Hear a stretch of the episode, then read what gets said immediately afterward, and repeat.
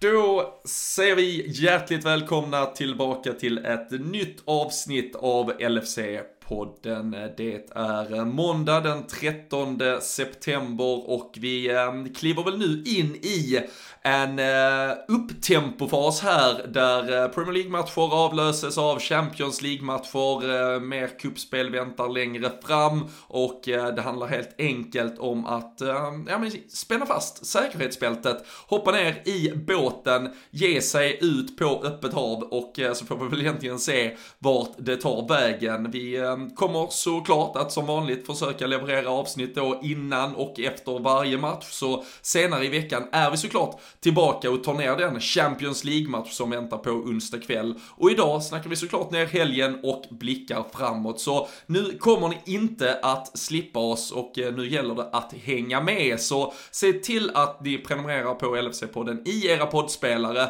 och eh, helt enkelt därmed kan få varje avsnitt direkt till er när det är rykande färskt.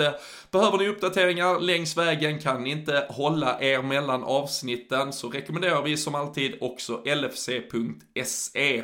Det är ju där ni hittar den svenska supporterklubben och det är ju framförallt där ni hittar, ja men dagliga, i stort sett minutiösa uppdateringar ibland. Eh, en dag som denna när man tyvärr såklart har vaknat upp med väldigt mycket smolk i glädjebägaren kring, kring de scenerna som skedde på Alan Road och skadan på Harvey Elliot så har man ju hela tiden kunnat få kontinuerliga rapporter där inne, till exempel på hur den där skadestatusen tills vidare åtminstone är eh, informerad och utkommunicerad. Eh, Mer lär ju vänta, men det gäller som sagt att ha en bra plats att gå till och LFC.se är platsen för alla nyheter.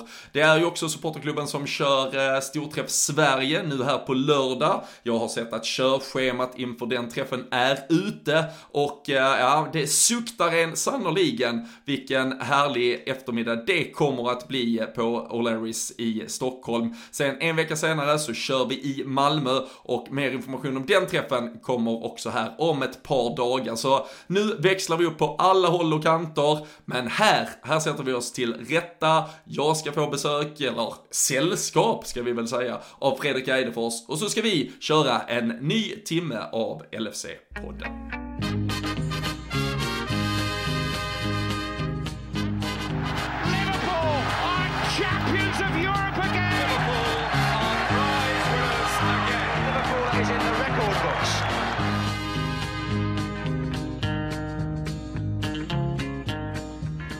Jajamensan Fredrik Eidefors. Eh, håller du med mig när jag känner och säger att nu börjar typ säsongen på allvar?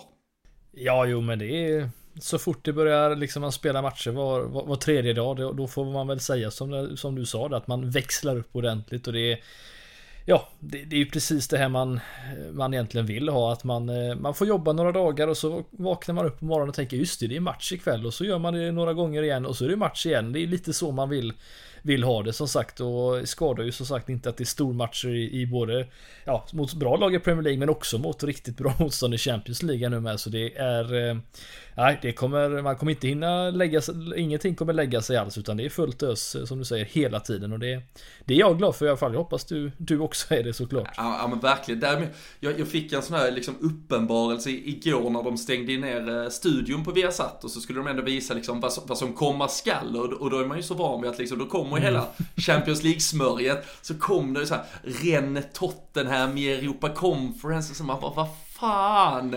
Och ja. Eh, det antar jag att alla har koll på, men det är ju Simor som, eller via Telia då, har förvärvat rättigheterna. Och jag vet alltså, ja, det är ju med någon form av skräckblandad förtjusning. Men så, det kan ju vara kul med något nytt, men fan, vi, alltså, mycket kan man säga om Viaplay och Viasat, men de har ju ramat in de där Champions League-kvällarna i storartad stil.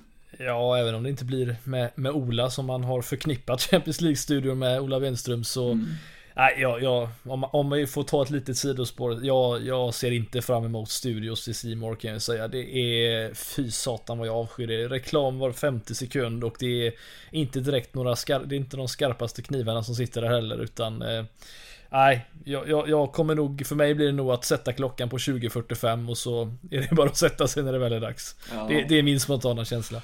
Ja, ja, men det, Hellre uppsnack ja, med dig i så fall. Ja, ja men li, lite så. Ja, men det, alltså sen, det ska väl absolut sägas, det är väl, äh, livet kommer väl numera emellan för att kunna liksom äh, verkligen äh, sukta i sig en, en timme studio både innan och efter och, och till höger och vänster liksom. Men äh, det ska bli, äh, det, det, ska bli lite märkligt och, och uppleva. Sitter Hasse Backe i den? Ja, han, han sitter väl, det är ju det som är risken också, han sitter väl och kommenterar kanske med Åke Unger bredvid sig och man bara nej, nej, nej, sådär. Så eh, ja, jag, jag tror, Lasse Granqvist, jag, jag älskar ju Lasse som, som eh, kommentator och, och hoppas ju och kan föreställa mig att han får göra stormatcherna. Jag tycker inte han gör sig som ett studioankare så det får de lägga av med, fattar inte vad de höll på med under EM. Men eh, ge han de stora matcherna så kan vi ju ha ett par klassiska referat att vänta när det väl liksom ska börja avgöras det här. Men, men just nu när det ska vara så mycket fotboll som ska paketeras och det behövs så mycket folk. Där har man ju varit så trygg med det vi har satt har, eh, har levererat. Så ja, det, det var ett sidospår Fredrik. Men, ja, en ny era helt enkelt. En, en, ny era är det i alla fall. Och vi, vi ska ju såklart eh, snacka mycket mer Champions League eh, längre fram och såklart då fokusera på den matchen som väntar på Anfield när Milan kommer på besök på onsdag kväll. Men vi måste ju såklart börja på Ellen Road igår eftermiddag och även om fotbollen framförallt inledningsvis var fullständigt fantastisk så är det ju eh, en skada på Harvey Elliot som överskuggar egentligen allting. Och ehm, jag vet inte hur hur upplevde du, hur har du liksom kunnat eh, känna, vi pratade lite innan bara liksom att man, alltså det, det, det skär ju fan in i hjärtat på en på ett mm. sätt som man inte riktigt kan föreställa sig. Och det är så här liksom jag, alltså, någon kan ju bli skadad och vara borta sex månader men det, och det kanske händer på träning eller händer i en löpduell och det är liksom man ser att något rycker till. Men just när man, alltså man såg hur hemskt det var. Alltså vi, vi har ju Henke Larssons klassiska ben, vi har Thomas Brolins, alltså det finns ju några sådana här som, nu, nu kanske jag talar för min generation, men där de liksom har etsat sig fast. Men, men det här, det här var ju ett sånt ögonblick tyvärr. Ja, nej men det, det är väl som sagt att man det finns ju mycket att, prata om kring detta och det är ju som du säger också att eh, kan, kan, eh, det kan hända vem som helst. I det här fallet då som, som Liverpool-supporter att, att det vi har suttit där och, och, pratat så, så mycket och hyllat honom, Harvey Elliot så mycket och framförallt imponerat. Jag såg rätt många på, på Twitter och sociala medier som var verkligen så att okej, okay, det här är ju på riktigt. Han tar, han plockar in Klopp, han plockar in honom som start i en sån här viktig match. Det är okej, okay, då är han ju liksom cementerad i startelvan mer eller mindre. Och att stå, ja, han har ju presterat så bra och liksom verkligen kommer få sin säsong här nu där han ska slå igenom och visa att han är liksom den talangen han är och till och med så en, en stjärna liksom. Och det är Ja, och så händer det här och det är Ja, jag, jag vet inte, det, det gör ju som du säger, det gör ju ont och inte Inte bara för att det är Harvey Elliot, men det är en 18-åring som liksom startar sin karriär nu som slått sig in och det är Ja, det är inte för att det gör det värre än någon annan egentligen, men man, man känner ju med honom, det gör man ju får man ändå säga. Det är, ja, man, man, kan inte sitta liksom och glädjas på något sätt att Fabinho ganska innan det gjorde ett, ett viktigt 2-0 mål liksom. Det är, det är helt meningslöst att, sitta och nästan se glad ut för att man tänker bara på vad, vad det innebär. Men man visste ju inte heller Robin vad, vad det innebar, om det var, hur illa det faktiskt var. Men Sallas reaktion tror jag säger väl det mesta va? Ja, ja verkligen och där, man får väl bara ge alltså, otroligt mycket beröm till till alla som så det här, det är såklart en helt annorlunda situation så sett men man pratar mycket om den snabba reaktionen på Christian Eriksen när han liksom stupar mm. ihop under EM-matchen och det, där, där krävdes det såklart en, en livsräddande insats som vi inte alls pratar om här men men det är ändå, jag såg någon, eh, de hade väl klockat det, det var sju sekunder så var både liksom Leeds och Liverpools eh, alltså fysio-team på plats. Alltså att att det ändå finns den sinnesnärvaron från spelare först i form av eh, Sala och liksom folk på bänken. Så för till och med Divock Origi tog sig ner från, eh, han var ju liksom utanför matchtruppen men satt mm. väl lite längre bak och tar sig in. Allison är ju framme liksom håller han på pannan och ska be väl till Gud direkt liksom. Alltså alla, alla förstår liksom att, jag menar att hela fysioteamet, att det blir Alltså det är ju det vackraste vi har i fotbollen samtidigt. Alltså den, den bröd, det brödraskap som någonstans formas där. Jag förstår att det bubblar en känsla av att vad fan har hänt? Vad, vad gjorde den här jäveln som sparkade ner? Alltså det, det är klart att det bubblar i adrenalinets sekunder där också. Men, men jag tycker ändå då liksom helhetsbilden från det när man zoomar ut nu kring allt som händer visar på något, något jävligt vackert som, som man liksom, det, det ska man ju ta med sig den typen av bilder. Men Alltså att se bilderna på skadan och liksom, jag, jag satt med min sjuåriga son och så och alltså han börjar ju gråta det. Alltså det, mm. det är ju bara, alltså hans, hans, i, i hans värld är ju liksom foten av han kommer aldrig kunna gå mer. Och, alltså, och så, det är ju till och med den första tanken man nästan själv har. För nu, nu pratas det ju, vilket är helt sinnessjukt i min väldigt odoktorskunniga hjärna, men om att det liksom bara ska vara någon dislocated eh, så här skada och att den kanske inte är, alltså frakturer och brutna delar och man får ju verkligen åter, alltså ge det tid och så får vi återkomma och se vad exakta alla analyser landar i. Men eh, Alltså, alltså som sagt, alltså känslan där då när man ser det, det är ju eh, bara att det här, alltså man, man tänker ju typ det här i karriären, mm. sen, sen fattar man ju när man snurrar det ett par varv att det är klart det inte är. Och ska man då till och med snurra det ett varv till så är det så här, det är, fan, det är kanske bättre att det händer en 18-åring som har både den fysiska statusen och den mentala jävla kapaciteten som jag är helt hundra på att Harvey Elliot har i alla fall, än att det skulle vara någon annan. Men som du säger samtidigt, en spelare som precis har slagit sig in, tagit oss med storm, tagit ligan med storm i stort sett. Och eh, det kändes verkligen så att Trent lägger upp en bild på, eh, på då han, Harvey Elliot och Mohamed Salah och det har ju nästan blivit liksom Liverpools nya fronttrio på något sätt. Det har blivit, ja, det har blivit sån jävla ja, ja. unit där ute så det, äh, det, det är ju så jävla surt allting men alltså låt oss, låt oss verkligen bara hoppas att han kommer tillbaka.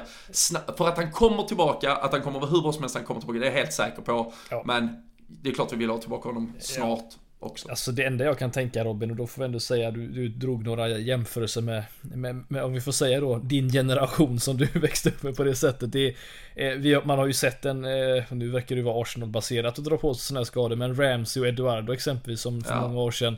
De, om man får, om man får liksom försöka se det lite positivt så det där, där, är, där är ju där är ju benet alltså verkligen av. Eh, där när han, när Elliot, Elliot ligger ner så ser det ju visst i skadan i sig när det väl händer så absolut som du säger det ser ut som att det verkligen är av. Men sen ser det kanske inte riktigt så illa ut som i alla fall det gjorde då för de olyckliga Arsenal-spelarna i det fallet. Och det är väl egentligen det enda man kan sitta och hoppas på som vi sa där att att det faktiskt inte är så jävla illa. Men har, vi pratar ju ett halvår liksom. Det är ju ja. minst liksom. Har, har, du klarat av att se repriser i någon form av eh, slow motion lite bättre så här på det? Eh, ja, det har jag. Ja, fan, det, jag vet inte om det det, det det, säger något om karaktär i alla fall, jag vet inte. Jag, jag, ska, jag ska inte ifrågasätta din empati, men, men nej, nej, jag, nej, jag har fan inte klarat det. det nej. nej jag, jag, jag skiter i det. Jag, ja, det... Vi, vi, behöver, vi behöver inte twittra ut bilderna på våran Twitter, det kan vi väl, eh, kan vi väl fastslå här och nu, men eh, Ja, som sagt det, det, det är ju bara synd att, eh, att, eh, att det här händer när allting Som annars i den här podden om vi liksom i ett annat universum så hade vi ju bara suttit och pratat om hur Klopps mannar stått för liksom en av de bästa bortamatcherna, tuffa bortamatcherna ska mm. vi tillägga, eh, under Klopps liksom styre får vi väl säga. Det är, får nästan säga att det är en topp 5 prestation baserat på hur svårt det faktiskt är att spela borta mot Leeds egentligen. Det är, men ja, nu blir det inte det ändå. Nej, och, och det här ska vi komma ihåg. Det här är alltså ett Leeds som eh, liksom har gått igenom 10 000 sorger och bedrövelser på vägen upp till Premier League. Som sedan får spela de första, liksom, det första året utan publik på Ellen Road. Och nu för första gången så kommer en av de här stora giganterna tillbaka till Ellen Road. Alltså, det var ju det låg ju någon form av elektricitet i luften Verkligen. kring att det här, det kunde bli mycket och vi kan, alltså vi kan ju prata fotboll här, vi kan väl också prata liksom eh, inställningen och att eventuellt någon blandning av det eh, absolut inte föranledde till det som sen händer Harvey Elliot, men det är ju klart att det finns en ribba man kan eh, lägga eh, viss typ av intensitet på och så vidare. Men, men om vi bara börjar med det fotbollsmässiga, det var ju, alltså det är två lag som går ut och kör de mm. första 15-20 minuterna och eh, vi pratar om att man satt svettig efter 45 mot Chelsea och det är kanske bara det bästa man hade sett på 18 månader kändes det som men det här var ju också, det, här var ju, det var ju också fotboll som var verkligen helt jävla fantastiskt. Alltså, jag måste säga att jag blev rätt chockad när jag, när jag läste detta, alltså baserat på efter matchen här, att vi är ju Liverpool den här säsongen hittills då, dock under, under eh, få antal matcher. Men vi är i toppen när det gäller liksom skapade målchanser. Eh, ja, två i alla fall i eh, touches in opposition box och sånt här. Och det, det, det, min känsla är att vi var liksom, vi skapade så fruktansvärt mycket liksom riktigt farliga målchanser. Eh, vi såg ju till exempel Mané som vi kommer nog prata om kanske lite, få en liten känga men alltså, alltså, alltså fort, fortfarande försöker toffla in bollen står han. han fick sitt mål till slut ah, men eh, ja. Eh, men liksom bara, eh, ja. Det var en, en hel del farliga lägen och det upplever jag inte att vi kanske nu när man har sett matchen, eller har sett highlights och sånt i efterhand, alltså det, det är inga dåliga lägen vi skapar och, och visst, även om, om Leeds såg väldigt öppna ut mot United i, i öppningsmatchen och eh, de kanske inte var sitt bästa, det var väldigt öppet mittfältet för dem i den här matchen så tog vi ändå vara på det och eh, jag måste säga att jag blev rätt förvånad över att vi skapat så mycket farliga chanser mot ett Leeds som annars då eh, verkligen kan, kan lösa det bra men eh, Nej, det var en, en, en riktigt imponerande eh, liksom match från våran sida och eh, återigen en hållen nolla som, som, som sagt som, som inte heller skadar då men eh, ja och fram till fram till målet så eller till skadan framförallt så nej, vi vad ska det stå 4-5-0 alltså det är ja, su superprestation verkligen. Ja, ja men verkligen och eh, där är ju alltså det, det enda det, det var ju absolut inte den här Alltså det här antalet målchanser och den här liksom eh, frenesin som fanns i matchen igår. Men jag minns ju, eller jag, jag var tvungen att sitta i halvtid och minnas tillbaka på matchen på Ellen Road förra säsongen. Där jag mm. vet att jag hade också två, tre frilägen. Vi borde liksom ha stängt matchen. Och så kommer ju 1-1 på en hörna i 83 eller vad det är istället. Och um, man, det, det, det är ju den känslan som kommer till en direkt när vi går till halvtidsvila med bara 1-0 det, det känsliga, alltså, jag, jag vill verkligen, jag ska, jag ska inte heller fastna i de här tankebanorna kring att ja, det, det, det är bara vi som, som gör det så svårt för oss och vi missar. Men, men det känd, man fick ändå någon sån här våg över sig att fan, vi borde ha gjort fem mål och vi har gjort ett nu när vi går in i paus. Och så kom, tittar man tillbaka på Uniteds match till exempel på lördagen och så här, ja de borde fan inte ha gjort något men de fick in ett liksom en sekund innan. Och det var så här, ge mig inte den här jävla liksom Sir Alex-känslan av att eh, ingen annan klarar det men de klarar det och så vidare. Och jag, jag, tror inte vi landar där och, och, Liverpool är ett helt annat lag idag generellt än det laget som ganska ofta kunde göra så, leda med 1-0 och tappa. Uh, och framförallt så har vi ju Joel Matip nu så vi kommer aldrig mer släppa in ett mål.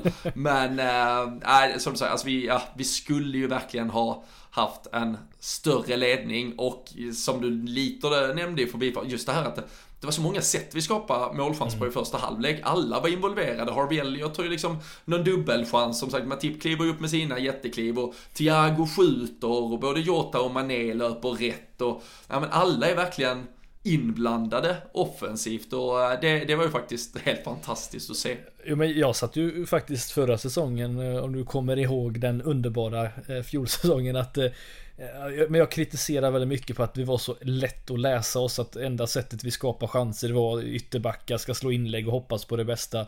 Det var ju verkligen raka motsatsen i det här fallet. Eh, och till och med den här säsongen så upplever jag att vi har det har känts mer dynamiskt och känts annorlunda. Om det har med att eh, Jota är väldigt annorlunda än Firmino som spelare och vi får ett annat rörelsemönster fram till.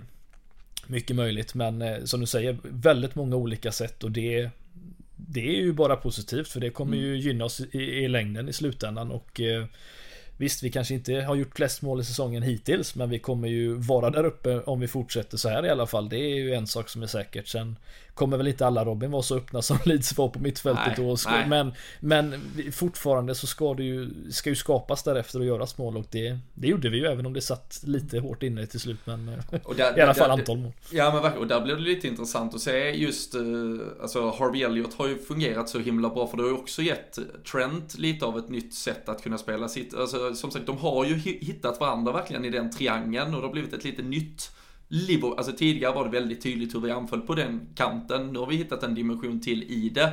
Sen känner jag på vänsterkanten att vi nu har någon form av problem som jag vet oh. inte knappt om det, om det är hönan eller ägget här. Om det är liksom att Andy Robertson inte riktigt är up and running och inte har liksom samma glöd i sig. Och Sadio Mané är, är där han är just nu med, med sitt uh, icke-existerande målskytte trots att han gör ett mål, absolut. Det, det är fantastiskt att det sitter till slut. Men uh, så det känns ju också som att det är ju väldigt passande i alla fall just nu att vi har många olika anfallsalternativ i alla fall. Ja, jo, jo, nej, men, och det är, det är klart Robertson har ju spelat majoriteten av sin tid som startspelare med en Wijnaldum framför sig exempelvis och har, har fått göra det under ja, många, många år och framförallt i väldigt många matcher. De två ligger ju där uppe bland liksom mest spelade matcher i konsekvens där och det är tillsammans med man är med för den delen. Så det, det kommer ju absolut att kännas annorlunda när, du, när en sån viktig spelare ändå försvinner från mittfältet men Samtidigt då så Det är ju inte det en ursäkt till att det ska kunna funka igen med tanke på att Elliot precis kommit in och fått det att funka väldigt bra med Med de två som du nämner och Salah och, och Trent men eh, äh, det, det, kommer väl komma nu när Nu, nu när Thiago är i form som, eh, som, som det verkar eller vad säger du? Eh, Ja, ja. Vi har lite delade åsikter kring honom, det vet jag. Jag, jag, jag, jag vill väl absolut ha lite mer eh, bevismaterial och underlag innan ja. jag eh, liksom eh, helt eh, håller upp eh, honom på någon piedestal här. Men nej, som jag sa, alltså när, när vi summerar 90 minuter och liksom hela hans match så, så är den ju jättebra. Liverpool vinner dessutom med 3-0. Eh, vi gör liksom tre mål framåt, han gör en assist och vi, vi håller nollan och till syvende och sist så är ju allting helt fantastiskt. Men jag har ju, och det är ju kanske för att man har varit van vid liksom Jordan Hendersons säkerhetspassningsspelande i tio år på det mittfältet. Och jag, jag har blivit lite bekväm i att se oss spela jävligt säkert passningsspel. Men där är ju något i att varje gång Thiago ska slå en passning så, alltså det kan vara på två meter, men gudarna ska veta, världen ska se på, här kommer Thiago som gör den här passen med all sin excellens. Det liksom bara skriker matador över honom när han ska sätta en passning. Och eh, han letar ju också de här farliga ytorna hela tiden. Som jag såklart förstår det slår ut en hel linje och det liksom passerar två spelare. Det är klart att det öppnar helt andra ytor. Men det kan ju också gå käpprätt åt helvete. Nu är det ju inte en passning, men han tappar ju bollen på mittplan i den situationen som Bamford uppfattar otroligt snyggt ska ju sägas också. För fan vad bra det är och det är riktigt jävla bra av Allison som hinner dessutom ta titeln tillbaka mot linjen för att se var han befinner sig. Så det vi talar ju lite om en sinnesnärvaro i situationen. Men ja, eh, Thiago, absolut, till syvende och sist fantastisk. Men det är något i hans spel som frustrerar mig. Kan, man, kan vi förvänta oss en krönika på varför Liverpool måste köpa tillbaka Joe Allen nu? Eller liksom när det gäller just sidleds, bra, säkra sidledspassningar? Är det det du saknar? Alltså det, ja kanske. E- eller vet du vad, efter matchen igår, jag var tvungen att gå ifrån ett tag och så lugna mig. Ja. Så när jag lägger mig i soffan igen, då är Viaplay, det rullar liksom bara på sändningen. Då är det Hearts med Ben Woodburn på plan som, som, som lirar. Så det, det kan vara att jag eh, går, går åt det hållet istället. Men ja. äh, nej, men, alltså han är ju fantastisk. Alltså, jag, och, ja. Jamie Redner pratar bra om honom och hans styrkor. Det är klart att det finns så mycket vi kan utnyttja i vårt lag och så är det klart att vi ska utnyttja det. Och, och framförallt, och det, det känns ju helt sjukt att säga att med Harvey Elliot borta så måste vi utnyttja Thiago. Men eh, så är det ju och eh, fortsätter vi få se eh, saker och ting av samma dignitet som vi såg igår så, så är det klart att det kommer vara jättebra för vårt lag på alla sätt och vis. Jo.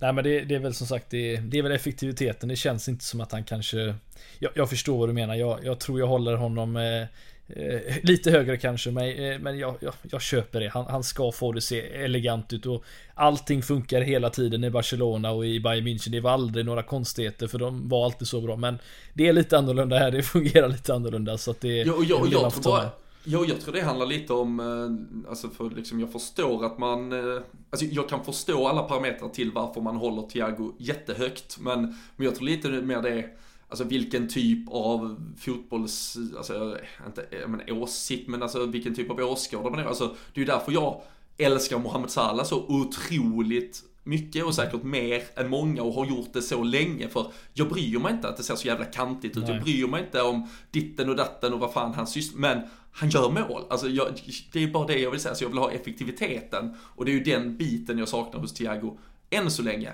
Men alltså kan han börja bidra med sådana saker och ting också. Så ja, då, då kan det bli. Då kan Står vi börja han, eh, slutar det med att han gör 100 mål som Salah och nu eh, super, superassist-kung som Trent exempelvis. Det är ju vi får nästan nämna det också, just att alltså 100 mål i Premier League. Ja, alltså det är ju helt... Ja, alltså återigen, jag har sagt det alla gånger vi pratar i podden att hur, vad, nu har vi pratat om Salah, bla bla bla, det finns inte så mycket mer att säga men 100 Premier League-mål på, är det 164 matcher. Mm. Alltså, det, det, är ju, det är ju sådana siffror man har liksom för många år sedan suttit, ja men är det Henri, Henri, Shearer, Rooney, alltså det är ju, ja nu är Shearer långt före alla andra visserligen, men just de siffrorna, du kommer upp i 100 mål på den korta tiden också, det är ju eh, Ja, och nu har jag... jag galet. Ja, bara för det har jag inte listan framför mig. Men det, det, det var, vilka har gjort det snabbare? Det var, det var Kane, Agüero, Ja, uh, Shearer och Rooney. ja, kanske. ja, jag tror det var något sånt. Det ja, är, det, det, det är tre eller fyra spel. Men jag såg ju också nedbrytningen på den när du tittar på antalet minuter. Alltså till Mm. exempel, han slaskar ju 13 inhopp i Chelsea typ i sin första vända som Ja. inte ger, ger jättemycket. Och, eh, och sen då på det så gör du dessutom ett, eh, slår du, slår du ut det på vilken position man har spelat på och så vidare. Så, så är det, det är helt extremt att spela. Jag vet ju att han såklart är liksom det centrala navet och den som ska avsluta ett anfall i vårt lag. Men han utgår fortfarande från en kant i förhållande till de här boxspelarna som är de andra som har tagit sig till de här nivåerna snabbare. Eh, dessutom då att du adderar assist och annat till det i förhållande till de här så, så står han sig otroligt högt eh, mot de absolut allra bästa som vi kommer att prata om som Premier League-giganterna för egentligen alla tider framåt. Så eh, vi, vi måste ju bara vi måste liksom bara fetmarkera hans namn också i de där böckerna. Och så ska jag inte sitta här ännu en gång och stjäla en halvtimme av er tid med att liksom förklara hur högt hatten hänger i taket till eh, hur eh, jävla bra fotbollsspelare han är. Ja. Men eh, ja, 100, 110 mål från Emil Heskey ska vi tillägga. Bara en sån sak. ja, och... Eller det- 10 det- mål menar jag. det är 10 tio- mål menar jag. Vad sa du? 10 mål, inte 110. 10 mål ifrån. Han, är tio, han är tio mål ifrån Ja, ja, precis. precis. Nej, inte men- 110. Det hade varit jävla skillnad det. Ja, det kan jag Det är lova. Shearer sid, ja. Och så Trent, då får vi inte glömma sagt. Vad är han? 23, 22? Vad är han nu? Eh, vad är han? Är- det quiz? Är det quiz här? Ja, jag bara tänkte hur gammal han är. Jag bara jämför med liksom hur, alltså vart högt, Ja, hur högt 22 han är liksom. Och det är liksom, nu är han delad femma Robin. Så nu tänker jag faktiskt quizza det lite snabbt här. Det är han och Coutinho som ligger på 35. Ja, det har ju faktiskt Robertson och Salah också. Men vilka, om du får räkna från fjärde, tredje, andra och första platsen nerifrån upp. Vad, vem har vi på en fjärde plats tror du? Är det spelar, eh, var det bara Premier League-eran? Bara? Premier League assist, precis. Premier League assists. Så- Eh, Plats nummer fyra, 38 stycken. Vem har du där tror du?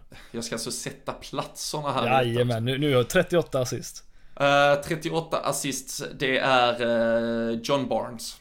Ah, han är lite längre ner. Det är en trogen eh, lagkapten kan man väl säga. Jag gör det jätteenkelt för dig nu då. Steven Gerrard. Steven Gerrard på 40 38 assist. Nej, inte det då. Den andra då? Eh, Jordan Henderson. ja, det har du.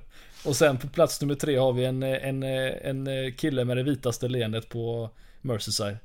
Roberto Firmino. Jajamän. Och plats fem, eh, 58 stycken eh, har du en, eh, en gammal goding på, på, din, på din tid. En gammal goding på min tid. Världens Ah. coolaste efternamn. Uh, oh, världens coolaste Ja, efternamn. jag tycker det är det coolaste. McManaman. Jajamän. Ja. Och, Och sen är det väl ganska, ja, 92 stycken. Har han Eh, 92 assist alltså? Det är ja. otroligt. Det fanns ju alltså- fan ingen, ja, du- du- ja, ju Torres men annars fanns väl ingen som kunde göra mål framför honom känns det som. Nej. I tio års tid typ. Precis. Nej, men det är, alltså, som sagt, Trent, vi pratar om effektiva grejer. Alltså där har vi en som spelar på styrkorna och inte behöver göra det så jäkla avancerat som Thiago. Det är väl, det är väl därför han är just på listan då, så, så ung och liksom Alltså 35 assist på det redan. Det är ju liksom frågan är var han kommer sluta. Det är ju Ja, han har ju många år kvar som sagt. Det är ju en sak som är säkert men eh, Ja, Ja. Den, den sidan eh, har vi hyllat lite här nu, den högersidan. Och det kommer vi nog få göra lite fler gånger tror jag under den här säsongen va? Ja, ja men äh, verkligen. Alltså, det är ju vår enda, jag skrev, jag skrev det med några, eh, i, i någon tråd på, på Twitter igår också. Vi, det, det känns ju just nu med, vi, vi kan fortsätta prata lite Sadio Mané i, i, i så fall på samma område. Men liksom, vi, det, vår offensiv är ju inte så bred. Möjligheterna där säger väl allt när Oxlade kommer in på Och planen. Rig inte så på bänken. Och Sadio Mané får liksom spela och få förtroendet fram till den 92 minuten när han då till slut gör sitt mål trots att han hade missat 10 skott tidigare. Han hade ju fler skott på mål än vad Leeds, eller fler skott än vad Leeds hade i hela matchen till exempel. Men det känns, alltså så länge Mohamed Salah är frisk så, nu måste han ju missa två ligamatcher på grund av Afrikanska mästerskapen så jag kan ju inte säga att han kommer att spela 38, men så länge han spelar 36 av 38 då, då tror jag ju fortfarande att Liverpool är Uh, titelkandidat. Vi, vi kommer vara med och slåss om det. Uh, Såvida inget annat helt sinnessjukt inträffar.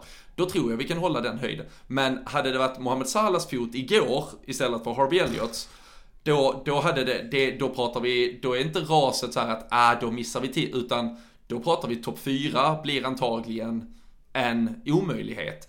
För alltså den nivån har han växt upp. Nu, nu hamnar vi där igen, där man mm. hyllar honom. Men, men jag tycker bara det säger så mycket om, alltså du, du kan klara dig på spets och en tunn trupp. Men då blir du väldigt beroende av ett par spelare i alla fall som inte får missa en sekund i stort sett. Och där är vi med Mohamed Salah nu, speciellt i den ja, form eller icke-form som Sadio Mané är i. Och därför blir det också lite vatten på alla de kvarnor som ändå tyckte att ett offensivt alternativ till borde vi ha plockat in i somras.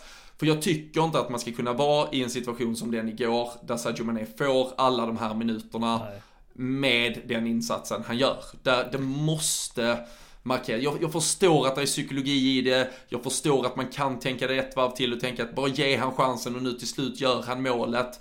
Men, men jag tycker alltså, det blir någon form av signal också till nu, nu, nu sitter det inte så jävla många på den där bänken, men de få som sitter på mig, jag tror det hade sett likadant ut även om Origi och Minamino hade suttit här ombytta till exempel, men eh, det, vi kommer inte byta in här. Den här killen har missat nio frilägen, men han kommer få fortsätta. Mm. För ni andra är för dåliga. Och då, då tycker jag att man, då har man fått en miss i truppbygget egentligen, och det Ja, jag hoppas ju inte det kommer kosta, men det, det kan hänga på Mohamed Salahs eh, fysiska status tror jag. Jo, ja men verkligen och det är som sagt, du, du, du nämnde ju förut eh, Även om du skojade så är det ju verkligen eh, så det är. Alltså van Dijk och Matips, liksom hur viktiga de har varit och det ser vi bara i starten på säsongen hur, hur stabilt det ändå har sett ut. Men som du säger, händer något med Salah då ser det ju riktigt tufft ut och det är väl egentligen Alltså det är inget fel att man är missar lägen, för det kommer att hända. Jag skulle snarare säga problemet är, till skillnad från Salah, det är ju beslutsfattandet. Att ja, varenda, sett, sagt, alltså, ja. varenda gång han skulle göra någonting så gjorde han ju fel beslut. Det är, ju, det är ju där problemet ligger och då kan du liksom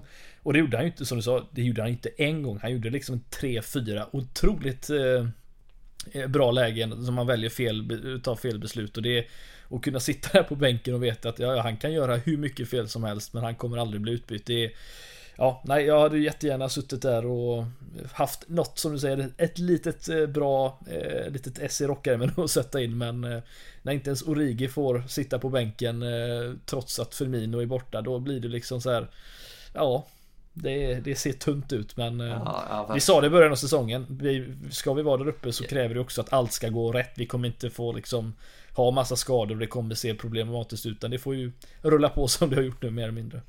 Ja, ja och liksom till, till de här då 36 Premier League så kommer vi få addera varenda Champions League. Alltså nu är vi mm. också i en grupp där det, det är inte en sån här uh, Young Boys som vi hade kunnat städa av kanske med, med att vila någon på utan varenda match tills vi eventuellt är klara på, på något sätt. Och man skulle ju kunna bli det med liksom en matchs marginal eller någonting så, så måste vi ju spela bästa laget eh, i de här matcherna också. Det, det innebär ju i alla fall det är ju i alla fall en handfull eller 6-7 spelare som, som ingår i den eh, bästa elvan väldigt liksom, tydligt och, och de måste spela. Och, och så är det bara. Men eh, ja, vi, vi får ju verkligen bara hoppas att eh, det fortsätter och att, eh, att de då håller sig friska och krya och kan leverera. För, ja men som, som du sa, alltså jag hade förstått, kommer Sergio Mané fri i frilägen och så sätter han den på bortre och så tar den i stolpen. Eller sen drar han en mot krysset och så plockar målvakten. Alltså, då, då hade jag ju liksom varit frustrerad tillsammans med honom och känt att fan han gör ju allting, men varför går inte bolljäveln in? Igår var det ju liksom, okej, okay, friläge, ja men skjut där. Vände han tillbaka nu? Vänta, så vänder han ut igen. Och där kom backen och där kom målvakten. Alltså, det var ju som du sa, alltså tre, fyra lägen som inte ens blir skott. Alltså där han hinner snubbla på sig själv innan det ens är Ja men innan det ens blir liksom riktiga avslut och det var, det var så otroligt med. Och när han hade någon chans att curla den i bortre, då liksom tar han en, stoppar han bollen en gång till så då hinner spelare in i med, nej det var, Det var fan bland det sjukaste jag har sett. Och, och sen, ändå var han bättre än Oxlade igår. Ja, och jag skulle precis säga, alltså sen, jag, jag hoppas och tror ju att i alla fall alla som lyssnar på detta, och, men nog också de flesta som följer mig på sociala jag skrev liksom i något otroligt frustrerat ögonblick att för fan, byt till och med ut honom mot Oxlade. Så, så illa är det nu. Men eh, när Oxlade sen kom in så, så bevisar han ju att så illa kommer det nog aldrig att bli för uh, att vara så loj och slapp, tappa så mycket boll, vara så felplacerad och göra så lite arbetsinsats i de få situationer mm. det förväntades att, ja men nu får du fan i alla fall jobba tillbaka bollen. Det var, äh, det var fan bland det mest disträa jag har sett på en fotbollsplan alltså. Ja, Ja, det, är, det, det är sjukt att vi ändå kan sitta så här 3-0 borta mot Leeds. och så är det vi hamnar. Vann vi igår alltså? Vi har inte pratat om matchen än. Nej. Nej, satan alltså det är... Ja, vad ska man säga? Det är, det är knapert upp till men... Eh, må, må Sala och eh, Jota framförallt då som, som verkar prestera någorlunda även om Jota kanske inte gör eh, Kommer göra alla målen som sagt utan det kommer Sala göra mestadels så ja, nu måste de vara friska för annars så blir det tufft att sitta och prata podd här om några veckor att eh, Oxlade är våran nummer nio för det är ju det han fick komma in och göra bara. Herregud alltså. Ja, och, och, vi lär ju såklart inte få reda på någonting om Firminos skada nej, herregud. heller. Så nej, det, nej. det Paul Joy skrev ju på deadline det att det var ju bara en liten sista undersökning så allt lugnt igen. Så, Elliot är tillbaka före honom, han är tillbaka. Nej, nej, det är ju benet är ju amputerat innan vi, vi är klara här, ska vi se. Ja. Nej, fy fan. Men ähm, ändå, alltså, ja, kort om matchen i övrigt. Äh, Matip skojar vi lite om, men äh, han och van Dijk fortsätter hålla nollan. Uh, Matip som sagt, uh, vår bästa offensiva mittfältare nu också kliver fram såg statistik igår på att vi taktar ju alltså 95 poängs säsonger när vi har eh, på rullande då 38 matcher van Dijk och Matip som mittbackspar. Tror det var 24 insläppta mål på en mm. säsong i så fall. Vi snittar 0,63 insläppta. Vi har ju bara släppt in ett mål på tre matcher med dem, eller på fyra matcher med de här under säsongsinledningen. Och, på fasta dessutom, inte öppet spel. Nej, och eh, sen eh, så eh, fick jag ju frågan, eller vi fick frågan här på Twitter också, liksom om, om han är en av de mest underskattade. Många, många tog väl det ett par varv för mycket kanske igår och skulle börja prata världens bästa mittbackar och så vidare. Men, men att han bevisar varje gång han är frisk, för det är ju det som har fått vara mm. liksom asterixen hela tiden, att han är ja, men på en absolut världsnivå. Alltså alla minns ju liksom fram och med i Champions League-finalen när vi vinner och, och så vidare. Alltså när han får de här liksom perioderna av kontinuerlig matchtid, då är han ju alltid helt jävla otrolig. Ja, nej men han, han är också definitionen av att inte ta så jäkla mycket felbeslut heller. Vi har ju suttit här i, i LFC-poddens historia och fått nästan, eh, ja, något år senare i alla fall, Eh, prata Lovren liksom vecka in och vecka ut där, det var liksom 50-50 om det var ett bra beslut eller ett dåligt men Matip är ju verkligen, eh, jag tycker man ska betona det väldigt mycket. att det är viktigt att, att han är en helt makalöst bra mittback som går in i vilket lag i Premier League som helst och eh, Ja, i Europa går han nog in i de flesta topplagen även och där. Eh, och sen om det har att göra med att han så, såklart spelar bredvid en van Dijk där han inte behöver täcka upp lika mycket som om det hade varit en Reese Williams eller Nat Phillips som fick spela väldigt mycket förra säsongen exempelvis. Det är, är en jäkla skillnad det också men eh, Nej, stabil så in i bomben och eh, det är ju det enda nackdelen då som du nämner. Det är ju om man nu håller det inte men eh, Ja, fortsätter de som säger så blir det ju svårt för Konate att få, få speltid den här säsongen. Det, det kommer det ju vara men ja. Ja, det, det, det, blir mer Champions League längre fram, men bara för att ändå ja. stanna där. Ty, tycker du att han ska spela även på onsdag, eller är det nu läge att vila honom för att han är liksom liga, ligaspelaren, eller hur ska vi tänka där?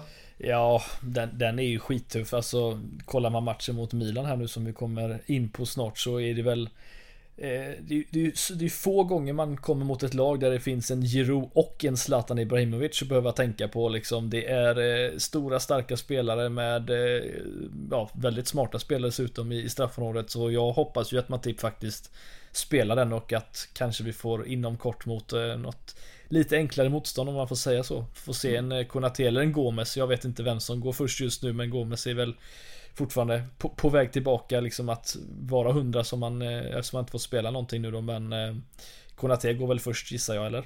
Vad tror mm. du? Ja, men det, det, tror jag också. Uh, men uh, jag är väl absolut också inne på att mot Milan på onsdag så vill jag se, då vill jag se det på pappret bästa laget mm. igen. Så, så det är ju ja, det är väl det laget som, eh, som spelade igår med, med undantag då för att Jordan Henderson startar istället för uh, Harvey Elliott helt enkelt. Så um, det, det, det, det, kan vi ganska snabbt konstatera, uh, tror jag. Men uh, vi ska ju såklart uh, komma tillbaka och snacka upp matchen mer än så.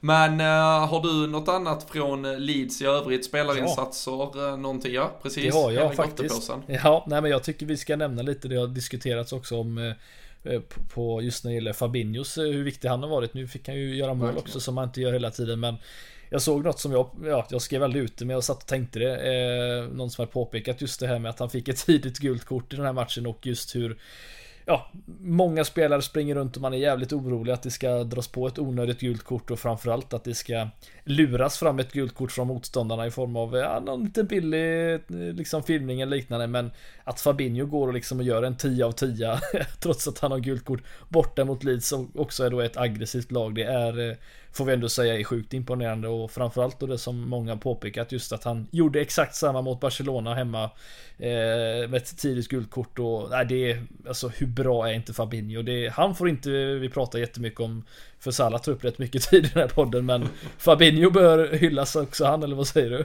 Ja, ja men verkligen och det, det var väl liksom då, då, hade vi väl samtidigt nått nivån där åtminstone motståndarsupportrar hade zoomat ut och inte orkat lyssna på vårt jävla gnäll förra säsongen men det, det, var väl ofta där vi landade även när det bara började med, med en och två mittbackskador. Även om det var allvarliga så var det ju att även om Fabinho såklart kunde fungera som en vikarierande mittback så tappar vi ju plötsligt en av Europas bästa defensiva mittfältare också och liksom att de där dominobrickorna föll ju åt helt fel håll och påverkade oss på, på så otroligt många vis och äh, ja men igår, igår är han ju otroligt bra mm. äh, genom hela matchen och jag såg någon Leeds-supporter som hade skrivit något om att eh, de får se Calvin Phillips varje vecka och imponeras eh, så in i bomben. Och han har ju liksom tagit den ordinarie platsen i Southgates landslag och så vidare. Men att eh, det de fick se från Fabinho på Allen Road, det, det hade de inte sett från en defensiv mittfältare för. Och eh, jag vet inte vad en eh, liksom eh,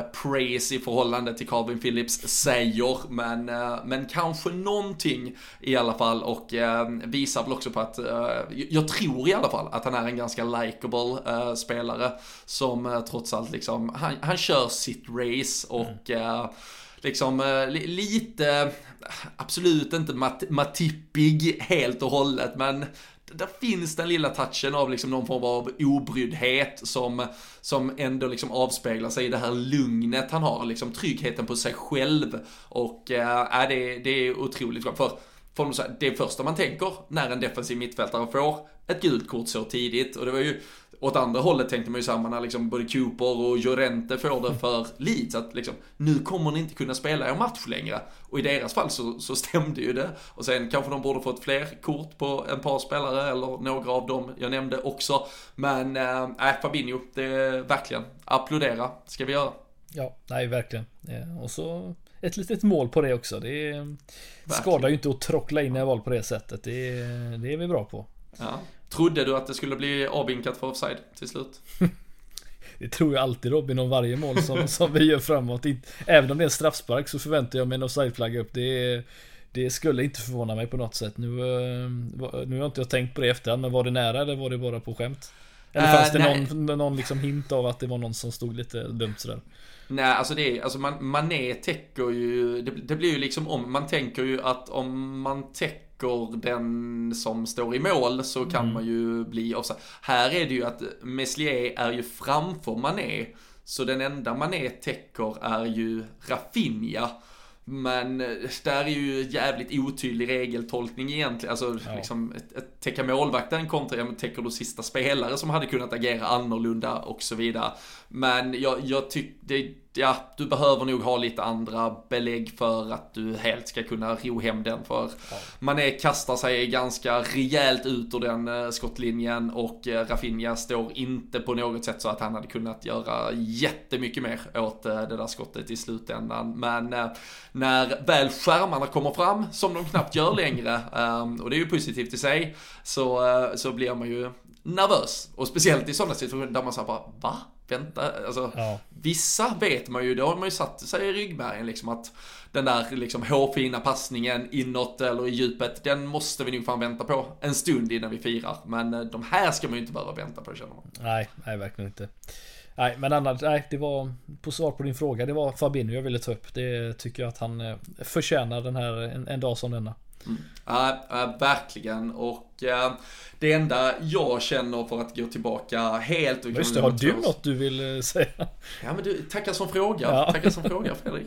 Härligt. Uh, nej men först och främst, för det, vi försvann ut från hela Harvey Elliot situationen uh, lite via olika sidospår så, så måste man också berömma honom i, i efterspelet. Han uh, ligger, ligger kvar på sjukhus och, och kollar matchen i mobilen liksom med, med någon sån här liten surgaspipa och bara njuter av livet det... Robin en, en utekväll annars. Ja, ja, alltså man kände igen sig. Det, det var vibbar av något så här. Jag vill inte gå hem, jag vill fortsätta vara med. Kan jag inte Framförallt med, med syrgastuben. Absolut. Och ja, sen, sen, måste jag ju erkänna att jag faktiskt trodde att det var liksom ett dåligt skämt från någon när de här första bilderna började cirkulera om att han hade gett sin tröja ja, och sin sko till liksom någon 14-årig kille som själv hade brutit armen och kommit in på samma jävla uh, vårdavdelning avdelning. Eh, men äh, uppenbarligen så eh, med tanke på alla trovärdiga medier som har rapporterat detta vidare under dagen så, så, så stämde ju det och det, äh, det säger väl något också om liksom sinnesnärvaron och inställning och, och allting hos den killen. Så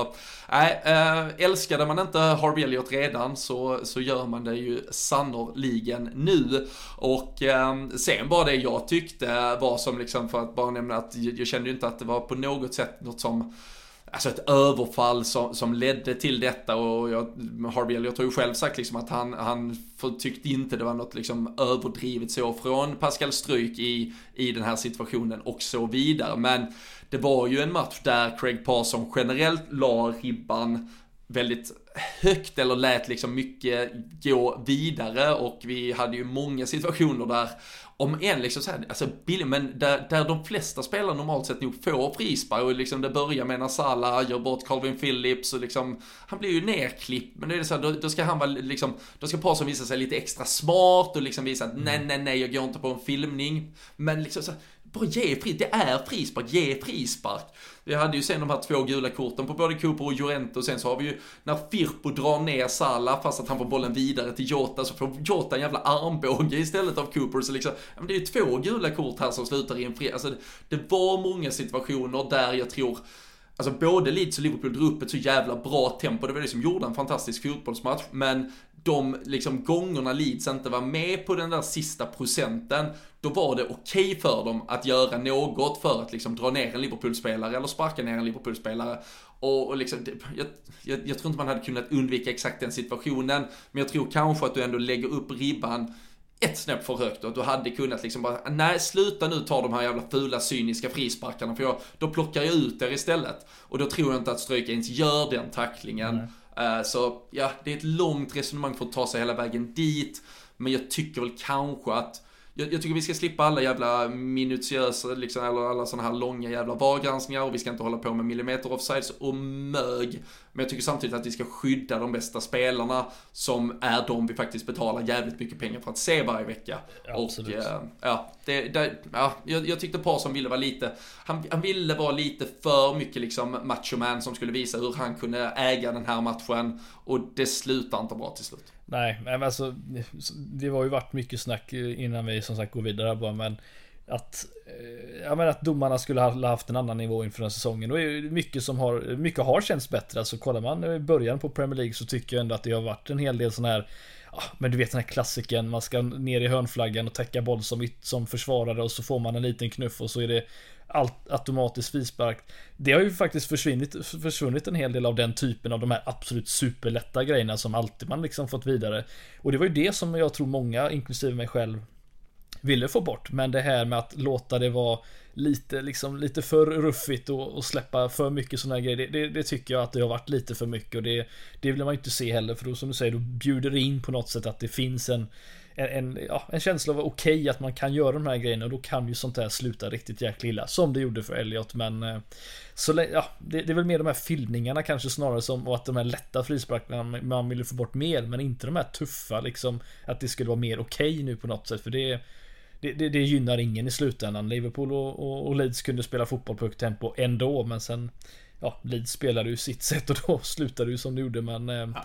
Nej, det, det, är inte bra när domarna försöker äga matchen. Det, det slutar sällan bra. Det kan vi väl säga. Ja. Nej, så är det. Men äh, ja, vi, vi kan väl bara återigen understryka att vi, vi hoppas såklart på ett äh, snabbt tillfrisknande för Harvey Elliot. Vi, vi håller ju såklart äh, oss uppdaterade här, men LFC.se är ju annars the go-to place för att få sånt här direkt. Det kommer kommunikation från eh, klubben. Så håll er uppdaterade där och eh, så kan väl vi börja att eh, blicka framåt mot onsdagskvällen Fredrik. För då är det igen dags för Champions League och för Liverpools del så är det ju ett gruppspel med Atletico Madrid, Porto och Milan och det är italienarna som är först ut och eh, med tanke på att du quizade mig så kan ju jag quizza dig lite. Mm. Minns du de två senaste gångerna vi har mött AC Milan i Champions League?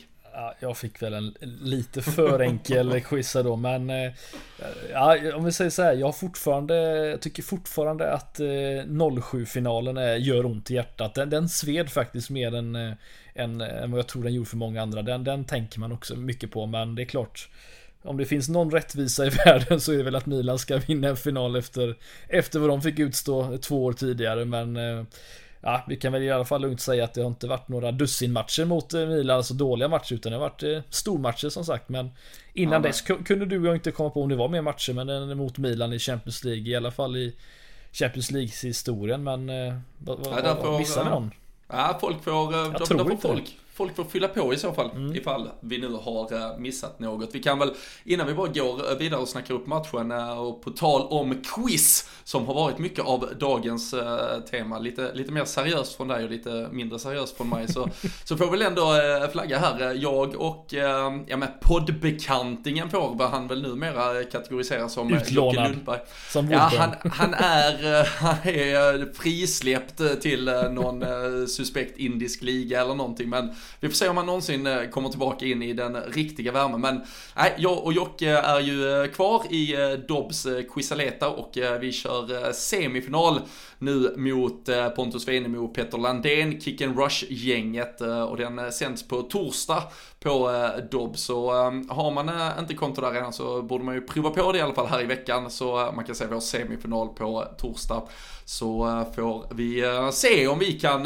göra som Liverpool där både 05 och 07 och flera gånger därefter och ta oss till en final. Men nej, nu är det fullt fokus på den där matchen och med svensk intresse Fredrik så är det ju såklart svårt att undgå elefanten i rummet som ändå är 39-årige Steven Seagal. Äh, äh, Menar du inte lejonet i rummet? Ja, lejonet i rummet, fy fan. Ja, ja, alltså, jag, jag kommer, du, kommer du ihåg hur mycket jag pratar om jag hatar Ander Herrera i den här podden? Eh, det, för många år sedan var ju det liksom min den go-to-kille att hata. Eh, jag, jag, hade kunnat lyssna på dig på repeat, berätta hur mycket du hatar under Herrera, för där, där sitter vi jävlar i det i samma. Ja, och Zlatan får inget free pass här bara för att han är svensk, det kan jag ju säga. Jag, usch vad jag hatar honom. Jag, uh, nej, det, jag ser inte fram emot detta. Det är... Uh, det är klart, bygga upp en, liksom en införgrej här liksom Zlatan mot van Dijk eller Matip, vem nu man nu vill välja, men det blir väl oftast van Dijk. Det är ju klart att det är, äh, vattnas lite i munnen, men för mig är det ju matchning, matchen om de två, just nu Europas bästa defensiva mittfältare. Fabinho mot Sandro Tonali. Det, är ju, det finns många sådana matcher i matchen eh, här nu får vi ändå säga men... Finns, finns ju bytesaffärsmatchen Thiago mot Frank Kessie. ja. Ja, vad tror vi om den då?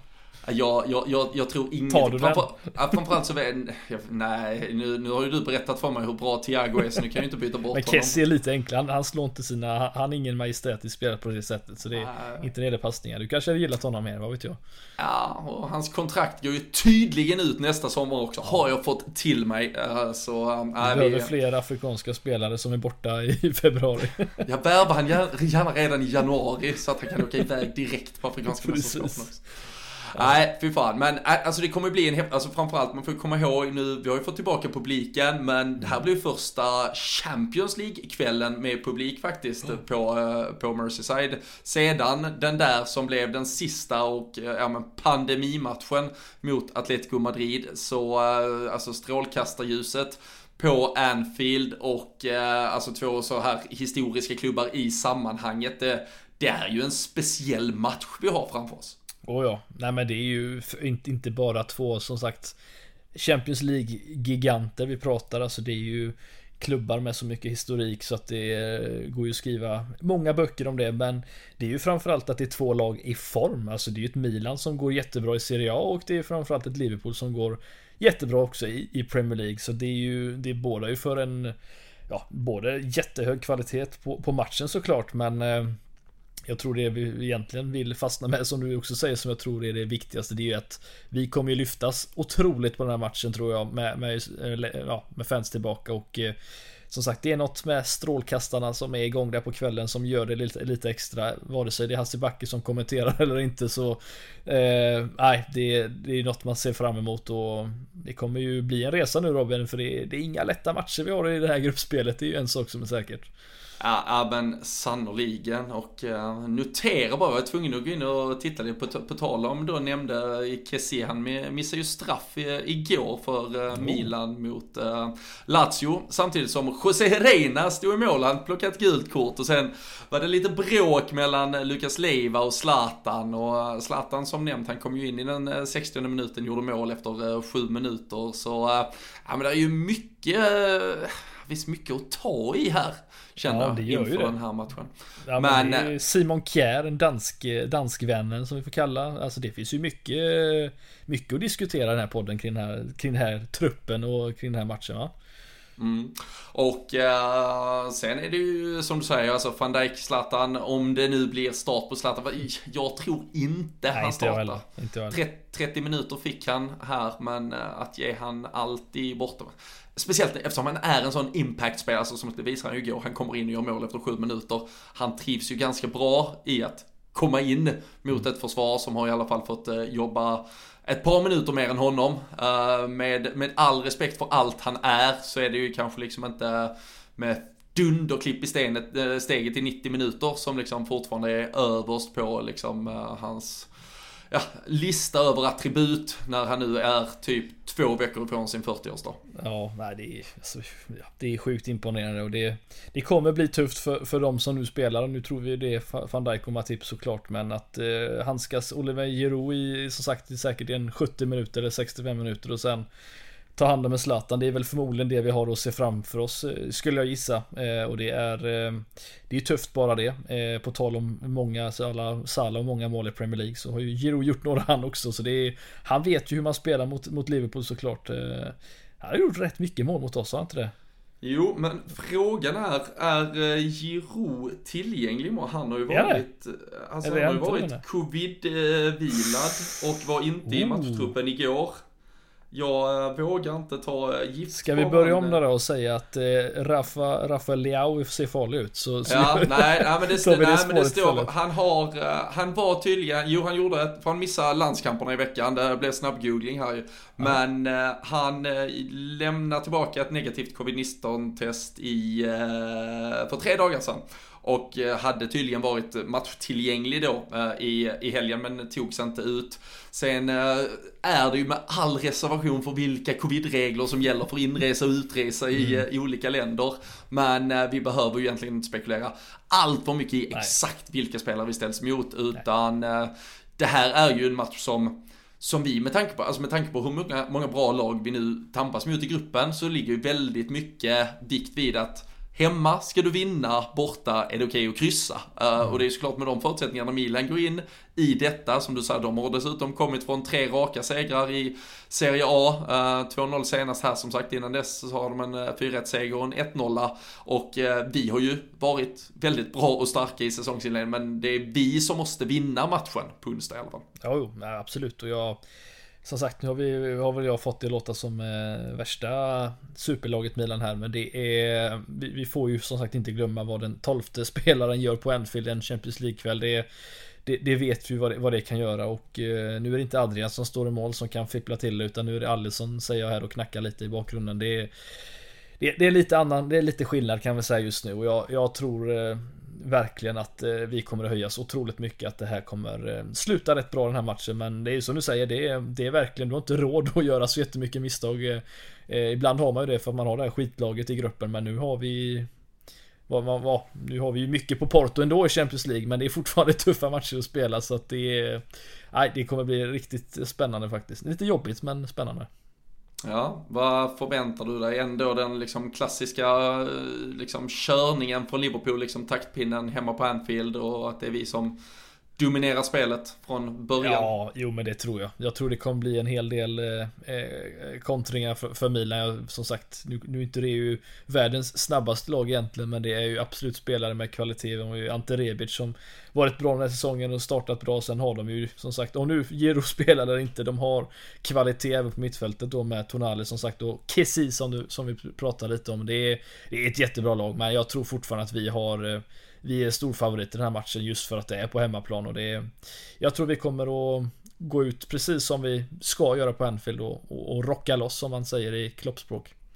Ja, det, jag, jag är övertygad Vad tror du själv? Vi, nej, men jag, jag, jag, tror att uh, inramningen inte riktigt kommer tillåta något annat. Nej. Uh, det, nej, men det, det, kommer, uh, det, det kommer stämmas upp i sång. Det, det kommer vara minnen av stora matcher mot Milan och det kommer vara något historiskt eh, vingslag av liksom eh, helt andra fotbollstider som då kommer paketeras om till det där idag, eh, You Never Walk Alone som säkert på något jävla vänster kommer att vridas mot en, en Harvey Elliot som ska ha all sin kärlek där han ligger hemma med stora stödstrumpan liksom. Och nej, men jag, jag tror fan förutsättningarna finns för att vi går ut och, och bara kör och, och, på samma sätt som man märkte ett Liverpool som var i fullständig chock och verkar liksom helt off sista 20-25 mot Leeds. Där, där liksom, och det pratade ju Klopp om efter matchen också att eh, det var svårt för spelarna att liksom greppa och förstå att liksom, ska vi spela fotboll här efter det vi har sett?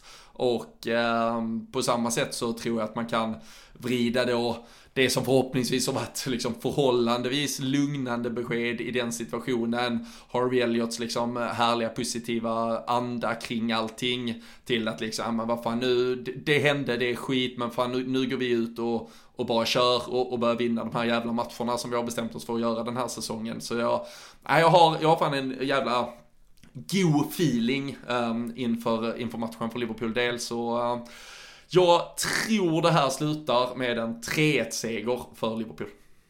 Oh, ja, det, det är inget fel resultat att få med sig, får vi ändå säga. Jag, med tanke på att Florenzi spelar i, Milan nu och senast han var på Anfield och spelade Champions League-fotboll så gick det ju sådär för han, honom. Eh, släppte in fem mål. Visserligen stod Allison i mål i Roma i den matchen, men eh, 5-2 tror jag inte det blir. Men eh, jag säger 2-1 till Liverpool. Det, ehm, det kommer bli tight. Jag, jag vet inte.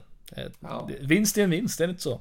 Du, vet vad? Det är exakt så det är. Och ja. Eh, framförallt i ett gruppspel. Det finns uh, inget uh, annat att diskutera.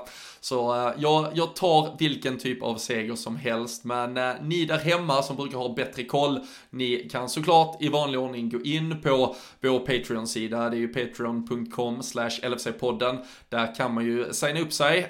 man blir stödmedlem till podden. Drygt 20-lappen varje månad. Det gör att vi kan fortsätta göra detta ännu mer, ännu bättre, ännu oftare och så vidare. Men eh, också då för egen del så kan man ju vara med och tävla om eh, ja, men, eh, t-shirts och andra schyssta supporterprylar från Samdods varje match. Så numera närmsta tiden lär det ju vara två tävlingar varje vecka. Så det är väl en schysst win-win situation får vi hoppas att ni tycker och vi gratulerar såklart vinnaren från igår och så hoppas vi att det är är några nya skarpa resultat som kan lägga beslag på priserna framöver. Men med eh, den här eh, dryga timmen och eh, lite tilläggstid så tackar vi för att ni har lyssnat idag. Vi kommer tillbaka i, ja, lite senare i veckan, antagligen på torsdag för att förhoppningsvis då snacka ner en seger mot Milan, blicka framåt mot Premier League-helgen.